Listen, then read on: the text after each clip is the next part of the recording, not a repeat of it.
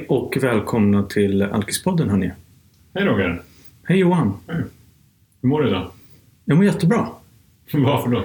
Nej, men det är måndag. Ja. Jag eh, gör roliga saker på dagarna Mm. och eh, får spela in Alkispodden och ska sen få gå på möte. Full dag. Full dag. Mm. Hur mår du? Jag mår väldigt bra ja. Mm. Sitter här med en, en hund och inte vilken hund som helst i knät utan Gustav som är med i, i var och varannan podd. Jajamän. Och eh, kan hålla med om den här beskrivningen. Får göra väldigt roliga saker på dagarna. Mm. På jobbet med Cordial och eh, får spela in ett avsnitt av Alkispodden och sen få gå på möte. Mm. Veckan kan ju inte börja så mycket bättre. Nej. Det är egentligen ganska märkligt. Alltså jag har nog aldrig längtat så mycket till måndagar som jag gör eh, nu. Nej. Det gjorde jag inte förut så mycket. nej, det gjorde du nog inte. Nej. Nej, det känns ju nästan eh, lite sjukt att säga det. Men eh, det är just för att det här mötet som vi går på är på måndagskvällar. Mm. Just.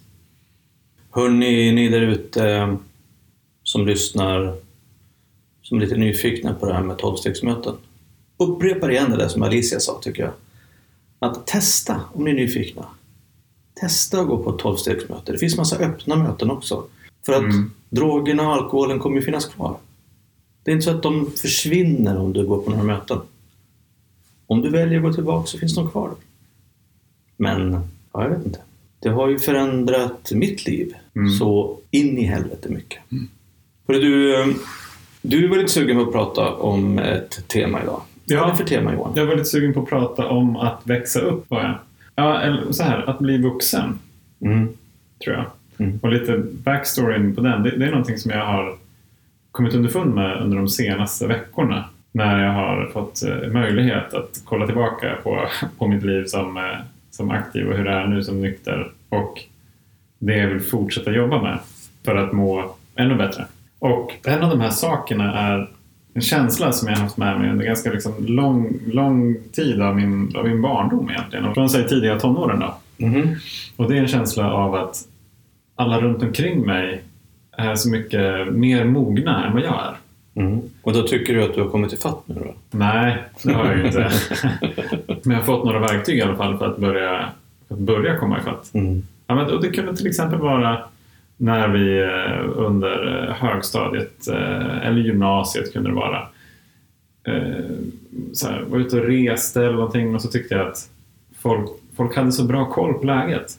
Ja. Och, och jag visste inte riktigt eh, jag visste inte riktigt hur de hade fått så bra koll på läget, liksom vad de själva ville. Eh, hur vet vad man, vad man vill eh, i livet? Hur, hur vet jag vad jag är bra på? Ja. Hur, hur, hur vet jag hur jag gör olika saker? Mm. Men det där är jättespännande för du har ju ändå trots din eh, oförmåga då att veta Ja, hur man gör så har du lyckats göra en massa saker. Du har ju utbildat dig och du, hade ju, du har skaffat dig jobb och en karriär inom någonting som du ändå eh, har jag uppfattat det som ville hålla på med. Det måste du ju ha, ha fattat någon gång. ja det, det gjorde jag ju då på något vis. Ja, hur gick det till? Ja, jag vet inte riktigt. ja, men det, det, det är nog en känsla av att så här, det är liksom lite, lite spel för galleriet. Tror jag också att det har varit. att eh, Till exempel utbildningen som jag, som jag valde. Mm. var så här, ja men det här blir i vart fall inte fel. Nej. I, då, i, i omvärldens ögon. Okej. Det finns ingen som kan, som kan säga till mig att jag har gjort fel val. Men är det rätt för mig? Att det, den, den frågan kunde jag inte ens börja svara på. Nej. Jag, jag tror inte att det var helt fel Nej. att läsa det jag läste, för det var matte liksom och såna grejer. Men, men det var inte så att jag själv vågade ställa mig frågan på riktigt. Vad vill jag? Nej, men det där går lite hand i hand med saker vi har diskuterat förut. Just det där att, ja, men jag vet att vi har pratat om till exempel att när jag blev nykter och Mm. även du, men jag framförallt då tyckte så här att jag visste, jag visste inte riktigt vem jag var. Nej. Eh, och eh, just det här med moralisk kompass och kanske känna efter själv eller ha någon vilja om att veta vilken typ av människa som jag vill vara. Nu börjar jag få koll på det. Mm. Ehm, och det är tack vare mycket människor runt omkring mig. Så frågan är ju så här, Jag tänker på just det där att växa upp och, och att bli vuxen eller att, att kanske snarare veta vem man är och vad man vill, Mm. vem man vill vara. Hur, hur fan tar man reda på det? Johan? Ja, men det är det som är den svåra frågan, Ja. tänker jag. Och, alltså mycket av det som jag har gjort på jobbet till exempel, de senaste Mm. tio åren, det har jag gjort för att jag tyckt att det var kul och utvecklande. Mm. Men där har det på något vis också funnits mer ramar Mm. som eh, liksom någon annan har definierat och som jag har tyckt att det varit ganska skönt att förhålla mig till. Men när det är jag själv som måste definiera mina egna ramar för, liksom, för resten av livet, om man säger. Mm. Vad är det för typ av familj och vad är det för typ av liv jag vill ha egentligen? När det är jag själv som jag är den enda som kan svara på frågan. Mm. Men jag tänker så här att om jag tänker tillbaka på mitt liv så har det, så har det mer varit så att jag har gjort saker och sen har jag upptäckt vad jag tycker om. Mm. Istället för att jag tycker om saker och så har jag bestämt mig för att göra de sakerna som jag tycker om. Ja, just det. Alltså nå- något av en sån här alltså empirisk eller alltså trial and error. Mm. Lite grann så. Jag Ja, har börjat göra det här, nej det var inget kul. Ja, då prövar jag göra någonting annat. Ja, det här var roligt, det vill jag Mm. fortsätta med. Mm. Istället för att ha precis det du är inne på. Hur fan ska man veta vad man vill göra eller vem man är? Det är för fan omöjligt. Det tänker jag. Ja, ja men, och, jag, och jag tror att nu så har jag nog mer vågat anamma den här trial and error. Mm. Testa, utforska, vara lite nyfiken på. Jag var inte så nyfiken när jag var aktiv. Nej. Då var jag nog mer rädd, tror jag. Och rädd för att göra fel, Ja. tror jag. Att jag var. Rädd för att göra fel i världens ögon. En annan som på temat att växa upp har varit när jag började plugga, när jag pluggade, började plugga i Linköping så var jag, hade tagit några sabbatsår och så var jag några år äldre. Så säger jag att jag började plugga med några, de, de yngsta var väl fyra, fem år yngre då kanske. Och så tänkte jag på att vi är, vi är på samma plats i livet. Vill säga, vi har precis börjat den här utbildningen. Men de är så mycket längre fram än vad jag är i, i mognad någonstans. De, de, är, de verkar vara tillfreds med sig själva och det de pysslar med det behöver inte hända några, några, några fantastiska mirakulösa saker. Mm. Hur, hur kommer det sig att de här människorna har hittat något lugn? ja. Vad, hur, hur har de gjort det?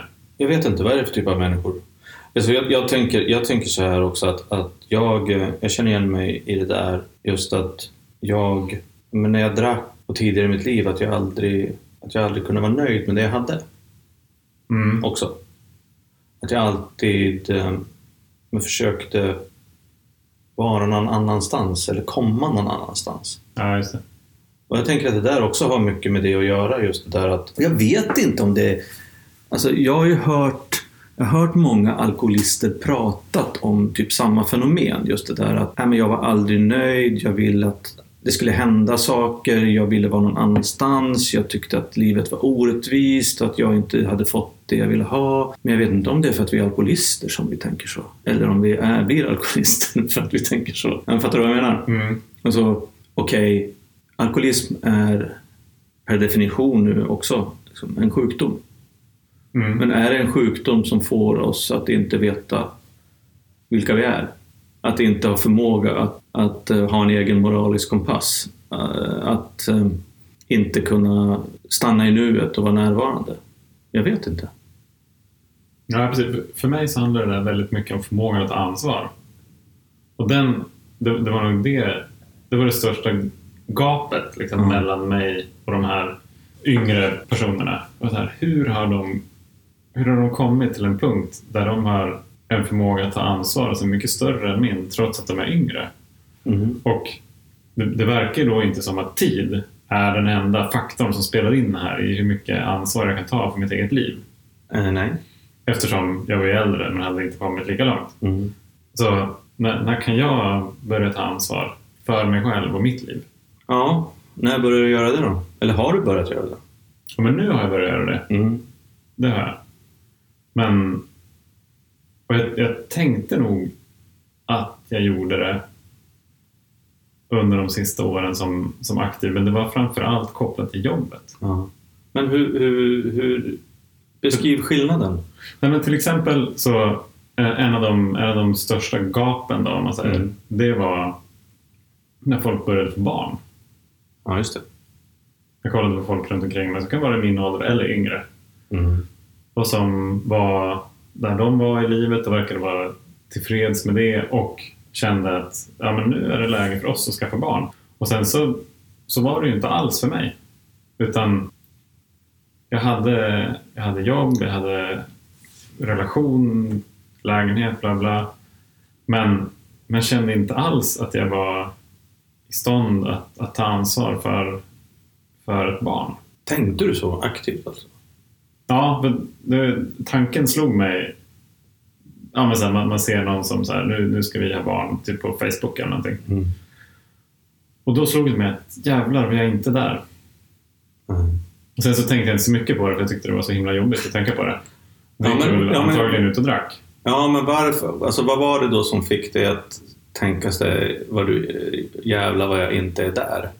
Var det liksom en rädsla eller var det just det där att du inte trodde att du skulle klara av det? Eller var det för att du inte ville, för att du ville vara dig själv? Eller? Nej, jag tror att det var, det var fram, framförallt på att jag inte trodde att jag skulle klara av det. Ja, Eller så här, jag, trodde, jag visste att jag inte skulle klara av det. ja okej. Och då att, att sitta med den vetskapen då och se...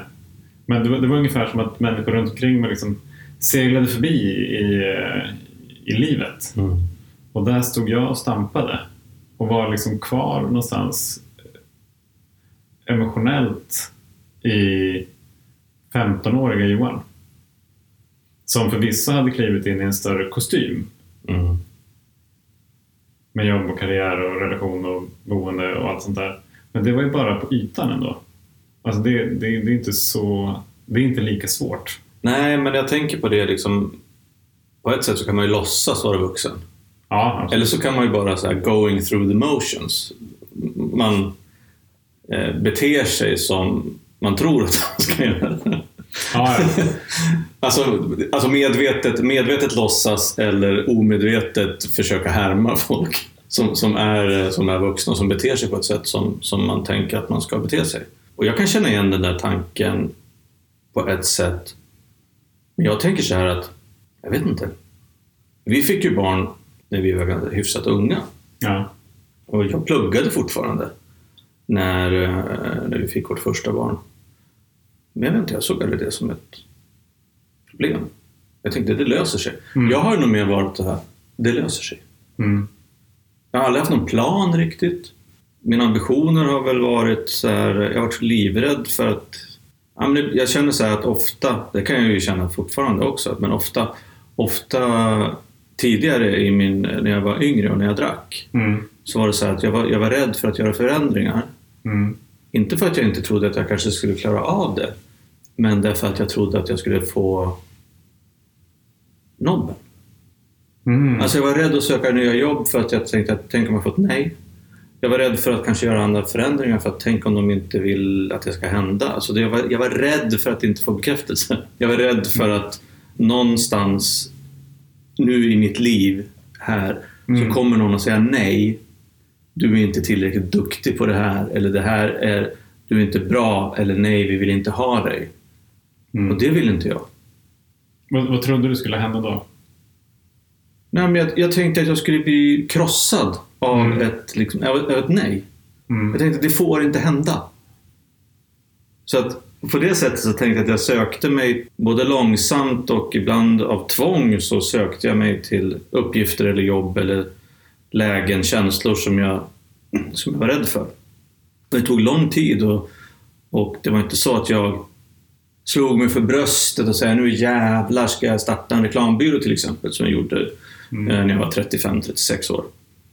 Utan det var så här, mm, ja, den förra byrån hade gått i konkurs och en av mina eh, kollegor därifrån hade råkat liksom få se till att ja, men, vi får starta eget bidrag och jag tog med dig också Roger, ska vi inte köra?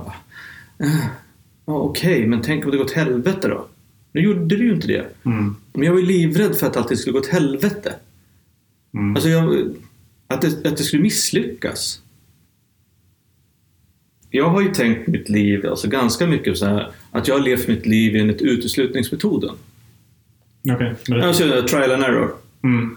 Ja, men jag har, jag har ända sedan jag var, sedan jag var liten, alltså det fanns mycket eh, sitter jag här nu och himlar med ögonen och gör citattecken i luften. Mycket som jag var duktig på, men som jag, jag var inte bäst. Nej. Och det där krossade mig. Alltså jag, jag, att du inte var bäst. Ja, alltså jag vågade inte misslyckas. Mm. Jag gick musikklass, jag sjöng. De flesta tyckte att jag var jättebra. Men jag... Eh, jag trodde inte på det. Mm. Jag, så jag slutade sjunga liksom. Inte då, men alltså senare. Runt när jag var 20, 20-25. Nej, men jag... Jag har så dålig självkänsla, dåligt självförtroende i det där, så jag slutade. Nej, men det, det här kan jag inte hålla på med. Jag är för dålig på det här. Mm. De, det finns så många andra som är så mycket bättre. Sluta med det. Börja jobba med eh, reklam och eh, börja jobba som formgivare. Ett tag så var jag duktig. Så här underbarn, liksom, talang, ung. Mm.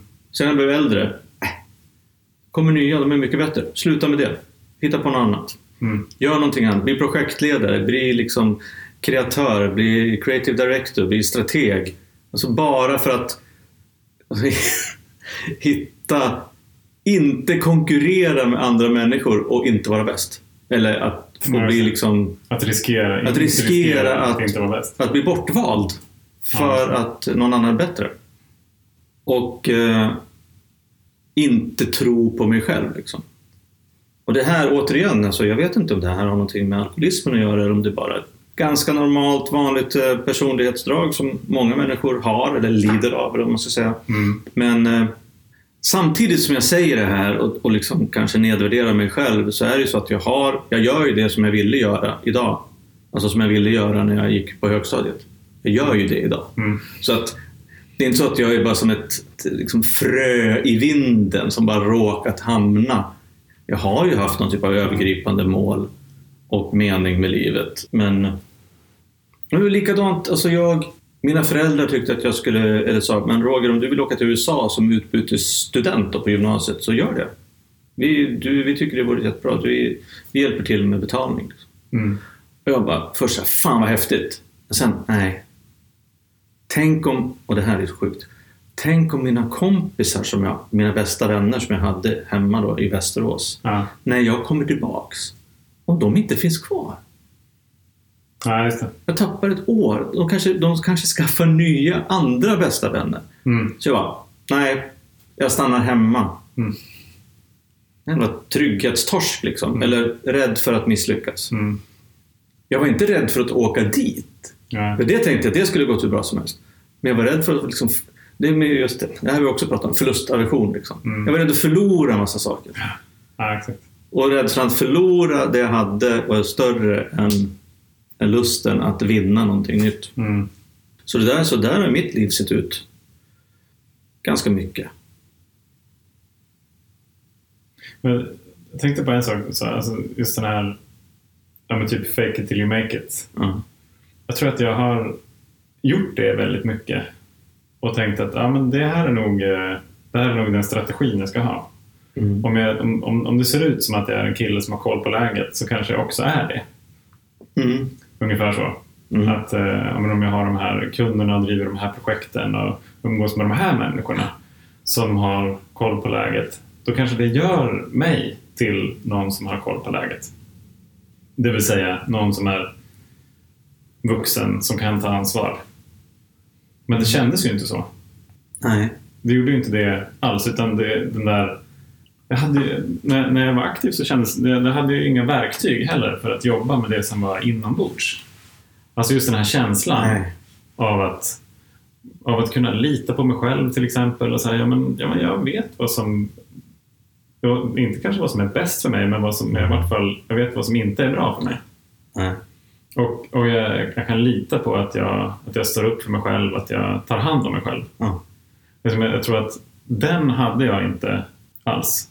Utan det var, det var mycket viktigare att, att de runt omkring mig, som jag på något vis... Jag gav dem makten att definiera för mig om jag var på rätt spår eller inte. Så att jag la ju mycket mer tid på att, på att hålla dem happy Mm. än, än jag la tid på att verkligen ta hand om mig själv. Mm. Och ta reda på vad jag själv behöver. Mm. Och det har ju varit den absolut största förändringen. Ja. Liksom nu jämfört med då. Ja, ja jag, jag, eh, jag förstår det. Och, och jag jag sitter också och tänker, tänker så här nu när vi pratar att dels att, att jag har, har insikt om hur mitt liv har sett ut Mm. och också lite grann om varför eller och de här känslorna som har fått mig att göra olika typer av, eller fatta beslut eller göra val. Alltså det är ju en grej som är skillnad. Mm. Eh, när, jag var, när jag var i det där förut, när jag var yngre och när jag drack. Då var jag ju också livrädd för att fejsa fejsa de här känslorna som hade fått mig att fatta de här besluten. För att de här känslorna som jag hade, de fick ju mig att känna mig misslyckad också. Att jag, vad jag menar, att jag gjorde saker för andras skull, att jag inte vågade, Mm. att jag var rädd för att bli bortvald, att jag inte ville Ja, misslyckas. det. att fejsa de känslorna, Mm. det gick ju inte förut. Så de tryckte jag ju undan och tänkte att jag lever mitt liv jag lever mitt liv som jag gör ändå. Fast jag hade ju ofta såna här, eller ofta ofta, men när jag tänkte på såna här grejer, det var ju de här kvällarna, nätterna där jag inte kunde sova. Mm. Jag låg vaken och tänkte på att jag borde, jag borde göra de här sakerna. Imorgon ska jag förändra mig själv så att jag tänker mer på, jag ska sätta upp mål. Jag ska börja träna, jag ska byta jobb, jag ska göra det ena och det andra. Men jag gjorde ju inget, jag låg och bara tänkte. Alltså jag teoretiserade om mitt eget liv, hur det borde vara. Mm. Och det är den ena grejen som jag tycker är skillnad till idag. Den andra Mm. grejen är att jag, nu sitter jag här och pratar, alltså erkänner de här sakerna Ja, om hur jag kände mig och, och det som kanske kan uppfattas som tillkortakommanden eller, eller svagheter. Mm. Eller att, vad fan Roger, har, har du inte koll på ditt liv? Alltså, har du levt ditt liv som en ögontjänare och rövslickare? Nej, men det är liksom så att, utan att kunna ha några e- egna, egna mål och, och, och ambitioner. Mm. Ja, ja, ja, kanske. Men nu, nu så kan jag sitta och prata om det här i en podd som kommer lyssnas på liksom, av hundratals, tusentals människor. Och inte vara speciellt rädd för att prata om det. Nej. Och det är också en stor skillnad. Sen så är jag nog bättre idag på att göra saker som jag själv vill. Som jag tror att jag tycker om. Ja. Men du, jag, jag tänker på det här med du pratar om det här med skillnaden. Ja. Men hur, hur tänker du idag då? På ditt liv och eh, din familj och det du Mm. vill. Så. Ja, men jag tror att det låter ju väldigt klyschigt men, men på något vis det börjar alltid med relationen med mig själv.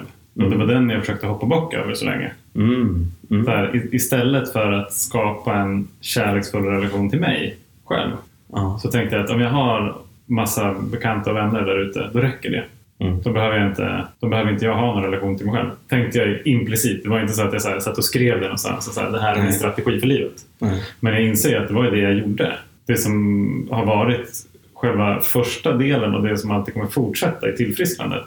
Det är att bygga på den här relationen till mig själv. Säga att våga vara ärlig med det jag, med det jag känner och det, jag- det jag vill och, och det jag behöver till exempel. Mm. Hur, hur gör du för att bygga på den relationen? Men det så delar jag med andra Mm. och sen så lyssna på andra. Mm. Så här, känner jag igen mig någonstans i det här? Att skriva i stegen Mm. hjälper ju rätt mycket. Mm. Att, eh, att sitta och prata i podden Mm. hjälper mycket. Att ha känslomöten med Josefina Mm. hjälper väldigt mycket. Också delvis här, meditation. Tror jag, men, men jag tror att det framförallt på relationen med mig själv med hjälp av andra. Mm. Men, men det är inte så att jag, jag byter inte ut min egen relation med mig själv till en relation med andra. För det gjorde jag ju förut. Utan det är snarare så här att jag utvecklar mig själv och relationen till mig själv med hjälp av andra. Så ser det ut idag. Och i takt med att, att jag börjar lära känna mig själv Mm. så har, så har jag också lättare att, att ha kärleksfulla relationer till andra som är ärliga. Mm. Det där tycker jag är eh, så jävla mm, konstigt och härligt. Att, eh, för jag, jag, jag, jag skriver under på precis eh, allt du säger om att lära känna sig själv genom att, använda eller genom andra människor. Ja. Alltså på precis det sättet du, du beskriver att, att genom att prata om, både, alltså lyssna på andra människor, lära sig av andra människor, Mm. men också om, att prata, att dela om mig själv med andra människor. Jenny eller dig eller, Mm. eller på möten. Så lär jag mig ju jättemycket om mig själv. Mm. För att också få speglingar. Mm. Liksom på det sättet. För att, för att släppa ut saker och ting, prata om problem, att prata om svåra saker, frågor, liksom såna här, såna här grejer och även knåda såna här saker som Vem vill jag vara egentligen? Mm. Och hur tar jag mig dit? Och istället för, för att jag ska sitta och liksom, diskutera med mig själv, som Mm. jag gjorde förr, Ja, så, så är det ju det är fantastiskt att kunna utnyttja andra människor till att växa. Mm. Och, det, och det, när vi gör det kärleksfullt Mm. så hjälper vi också andra att växa. Mm. Det är det som händer i mötet när vi speglar varandra. Så det, det är verkligen inte liksom att, att vi utnyttjar, det vill säga liksom att det är bara jag som får ut någonting av det, det är bara jag som växer. Så är det ju inte. Nej. Nej, för det där, är, det där är intressant tänker jag. Så här, därför att menar, det, det ultimata verktyget för en alkoholist att hålla sig nykter och eh, utvecklas. Det är ju, det här kanske kommer låta lite konstigt, men det är inte att jobba med sig själv. Utan det är att jobba med andra. Mm. Hur menar du då? då? Ja, men genom att hjälpa andra människor. Mm. Genom att fokusera på en annan människa och den här människans problem eller svårigheter eller kunskap, visdom, kärlek, känslor. Så hjälper jag mig själv. Fråga mig inte hur det går till. Men det, är ju, det ligger ju i det här, eh, alltså i det spektrat som handlar om att, att alkoholisten är så självcentrerad. Mm. Och att den här, det här egot, det är egot som sabbar allting. Och ju mer, ju mer man kan stuva undan sig själv och bry sig om andra människor, desto bättre mår jag. Mm. Och det kan man ju göra i det lilla och i det stora. Men i det, i det stora så handlar det om att för en alkoholist då i, i ett tolvstegsprogram eller en missbrukare i ett tolvstegsprogram så handlar det ju om kanske framförallt eh, ja, men, att föra budskapet vidare. Mm. Och det ena är ju att kanske att jobba med någon i programmet, att vara sponsor. Mm. Och det andra är ju att sprida budskapet vidare till människor eller alkoholister som fortfarande inte har hittat en lösning. Mm. Jag har ju förmånen och liksom nåden att få göra båda de här sakerna idag. Det är att jobba med en sponsi och hjälpa den här människan att göra stegen. Mm. Som min sponsor hjälpte mig att göra stegen. Men också att till exempel prata här i den här podden och nå ut till människor som, som kanske behöver hjälp eller känner någon som behöver hjälp och bara prata om att ja, men det finns en lösning. Mm. Hörni, det är budskapet. Kom till ett eh, tolvstegsmöte eller det är det som har funkat för mig. Alltså det kan jag säga. Mm. Sen är det möjligt att det finns massa andra lösningar som funkar. Mm. Men eh, det här har funkat för mig. Och genom att hjälpa andra så håller jag mig också nära programmet, de här stegen, Mm. eh, andlighet. Så att jag inte ramlar tillbaks till mina de här, igen då, fabriksinställningarna som är Mm. ganska egocentriska, cyniska, Mm. lata. En grej som jag tänker på, Mm. Jag tänker på mycket, men det, här, det är det här jag tänker säga i alla fall. Ja. Att vi släpper vår självcentrering liksom genom, att, genom att jobba med andra, genom att fokusera på någon annan. Mm. Jag tänkte ju förut när jag var aktiv Mm. att jag inte var så självcentrerad eftersom jag hela tiden sprang ut och tänkte på vad alla andra kände och ville och tyckte. Mm. Men, men det var ju egentligen något form av medberoende till, till dem runt omkring. För att jag gjorde det ju ur en... Det, det, det kom ju från en självisk plats. Ja. Jag behövde ju, jag var ju beroende av deras bekräftelse. Mm. För att jag inte kunde ge den till mig själv. Ja. Så att det har tagit ett litet tag för mig att liksom landa i den. Mm. Alltså, men fast jag har ju jobbat jättemycket med att hjälpa ju andra hela tiden. Liksom. Ja, fast det var inte genuint. Det var inte från en, det var inte från en kärleksfull intention. Nej, precis. Och det som är spännande det är att både, alltså, men Alicia till exempel pratar ju om det, alltså när hon blev nykter första gången. Ja, Att det. hon eh, hjälpte många och gjorde exakt det som hon trodde att hon skulle göra fast hon hade ganska själviska motiv. Ja. Och även eh, Ida när vi pratar om medberoende. Mm. Just det där att, eh, ja visst, att inte vara medberoende för att man vill få bekräftelse utan Mm. vara, som du, precis som du säger, kärleksfullt medberoende. Att hjälpa andra människor utan att det ska vara för egen vinning. Mm. Och det där är ju skitsvårt. Jag tänk, sitter och tänker så här, nu pratar vi om att växa upp, att bli Mm. vuxen. Och då tänker jag så här, handlar det om, du har ju pratat om ansvar tidigare. Ja. Handlar, handlar det här om att bli vuxen mer om att ta ansvar för an, inte, inte ta ansvar för andra, men att eh, liksom tänka mer på andra än sig själv? Ja, ja, det kanske det gör. Men vägen till det Mm. måste vara att jag tar ansvar för mig själv först. Ja. Annars måste ju någon, annan- någon annan göra det. ja, det är en jättebra poäng. Precis. Så att liksom när jag har gjort det, Ja. då kan jag börja blicka ut. Jag brukar använda analogin om man sätter på din egen syrgasmask först och sen hjälper du andra. Mm. Och jag var ju runt och, och smetade på syrgasmasker på hela världen. Och kunde knappt andas. Nej, och, och kunde inte andas själv. Nej. Och tänkte, var, varför mår jag så jävla dåligt? Ja. Ja, jag tror det. Och jag tror att jag hjälper andra genom att ta ansvar för mig själv. Mm.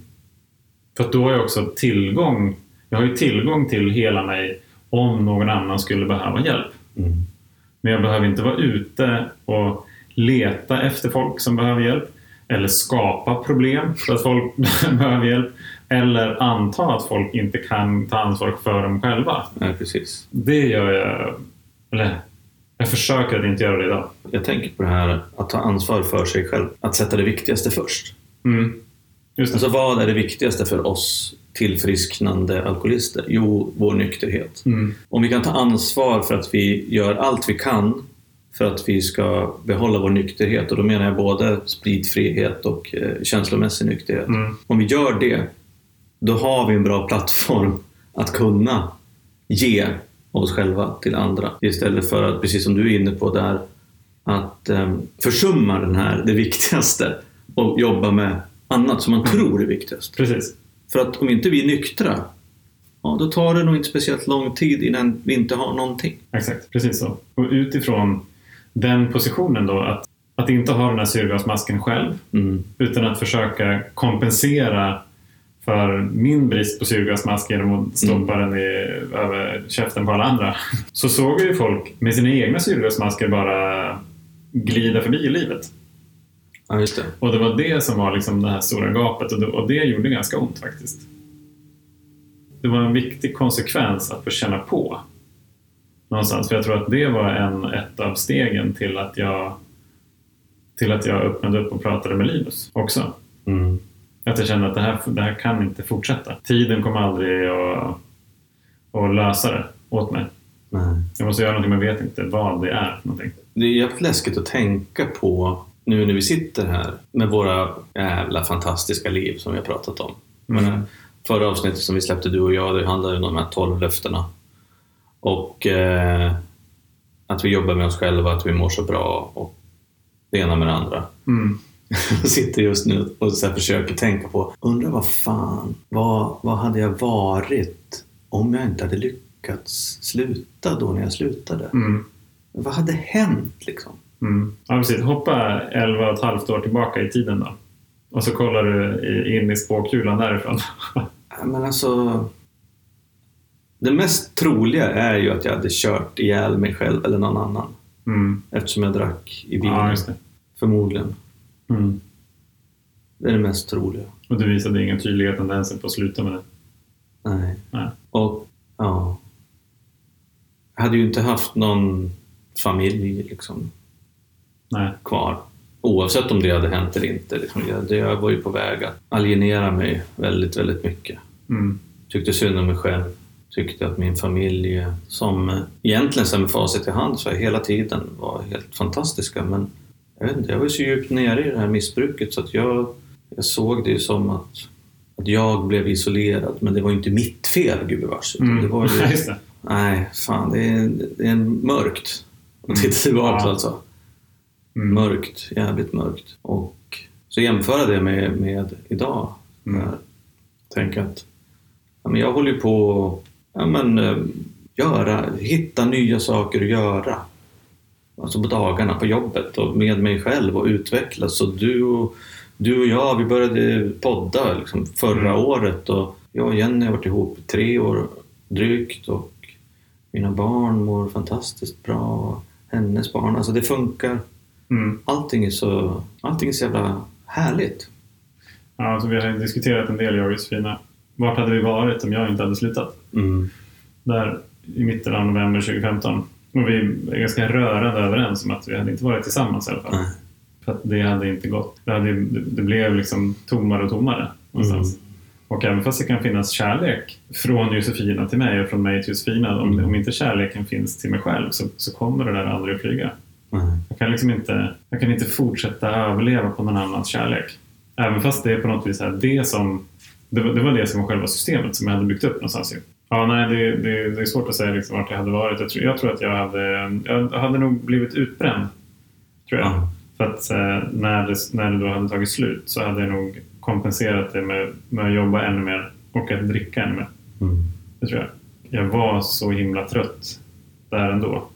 Så jag vet inte hur länge jag hade pallat det. Det hade kanske gått ett år eller någonting. Eller så hade det tagit någon vecka, det vet man ju inte. Men, men med tanke på hur trött jag var så tror jag inte jag hade gett mig själv så jättemycket tid i alla fall. Nej. Och om man snabbspolar fram till, till nu så har vi ju, alltså vi är ju gifta. Och det, Herregud. Ja, herregud. Ja. Ja. Och eh, vi ska ju ha barn. ja, det ska ni. Ja, vi ska ju ha barn Vi ju. har inte sagt det i podden. Nej, Eller du har inte sagt det i podden Nej. tidigare. Nej. Hörni, Johan och Josefina ska ha barn. Ja, vi ska ha barn. Woho! Grymt. Ja. Eh, jag, satt, jag, blev lite tyst där för jag funderade på hur det kommer att påverka vårt eh, poddande. Ja. Alltså, allt för allt handlar ju om mig. ja. Eh, det är fantastiskt. Om vi ska försöka, jag tänkte vi skulle börja sammanfatta lite grann. Och då är det så här att tidigt i det här avsnittet så pratade du till exempel då om rädslan för att skaffa barn. Att du, inte, att du visste att du inte skulle kunna göra det.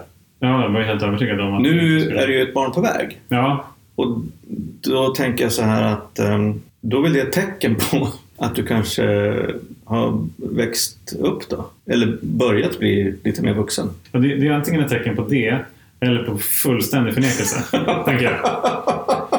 Men, men det har ju i alla fall varit ett, ett gemensamt beslut Ja. att, att skaffa det här barnet. Ja, Den här lilla dottern blir det. har en dotter ja. Och det, var, det har varit väldigt spännande för att vi har då pratat om eh, exakt hur kommer allt att bli när vi blir föräldrar. Nej, det har vi inte pratat om. Men, men vi har pratat om vad är det för grej som vi behöver göra för att, för att må bra i vår liksom i min roll som Johan, som inte bara liksom ändå är man till Josefin utan även som pappa. Mm. Och det är, apropå viktigaste först, det är att ha de här måndagsmötena som liksom heliga, Mm. verkligen. Så om vi inte är bortresta eller någonting så, så är det, det mötet, det, det kommer jag fortsätta gå på. För att kunna jobba med nykterheten och fortsätta med podden såklart. Det hoppas jag verkligen att du kommer göra. Ja, Alltså gå på mötena. ja jag går på mötena. Ja. Podden, det kommer, du kommer ju fortsätta med podden, det vet jag. Nej men vad fint. Vi har pratat om syrgasmasken. Ja, Ta ansvar för sig själv innan man kan ta ansvar för andra. ja, Vi har också pratat om att, att växa genom att växa, väx, att växa själv genom, genom andra.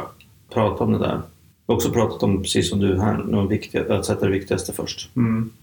Och, ehm, Det är kanske är det som är att bli vuxen, att, att veta vad mitt viktigaste först är. mm, Faktiskt. jättebra poäng. Jag menar, tidigare så visste jag inte det. Då, då, var det, då hade jag en, en lång priolista där allt var prio ett. Men ingen av dem var, var att ta hand om mig själv. Nej, men det är ju jättebra. Det kan vi också skicka ut en fråga till i och med när vi kanske promotar det här avsnittet. Alltså Ja. vad, vad, för dig som lyssnar, om du ska sätta det viktigaste först. Vad är viktigast? Mm. Vad är viktigast i livet hörni? Mm. En härlig fråga att skicka ut så här i slutet på podden. Ja. Har vi det mer? Fortsätt att skicka in uh, frågor. Och tips på gäster. Vi har fått rätt mycket tips. We like it. Ja. Vilka skulle ni vilja höra mer av? Ja, vi har ju en hel rad med gäster här som både är inspelade och eh, ska spelas in. Och ni som hör det här och vet med er att ni är en av dem som hör av er till oss via privata meddelanden eller e-post och berättar om era egna liv. Det är så jävla stort att få vara med om det. Ja, ja verkligen. Så tack för det, att ni lämnar ut er så till oss. Mm. Det är fantastiskt. Ja, jag blir verkligen så himla rörd, Ja. glad, tacksam över att eh, det- dels över att våra ord kan letas ut och leta sig in Mm. Hos andra och att det skapar förändring där ute. Alltså ni är så himla modiga som tar till ja, verkligen. vårat snack här och vi visar den tilliten till oss som ni gör. Ja, hörni. Vi önskar en trevlig helg från Alkispodden då. Ja, trevlig helg önskar eh, Alkispodden med Johan och Roger. Ha det bra hörni. Ha det bra!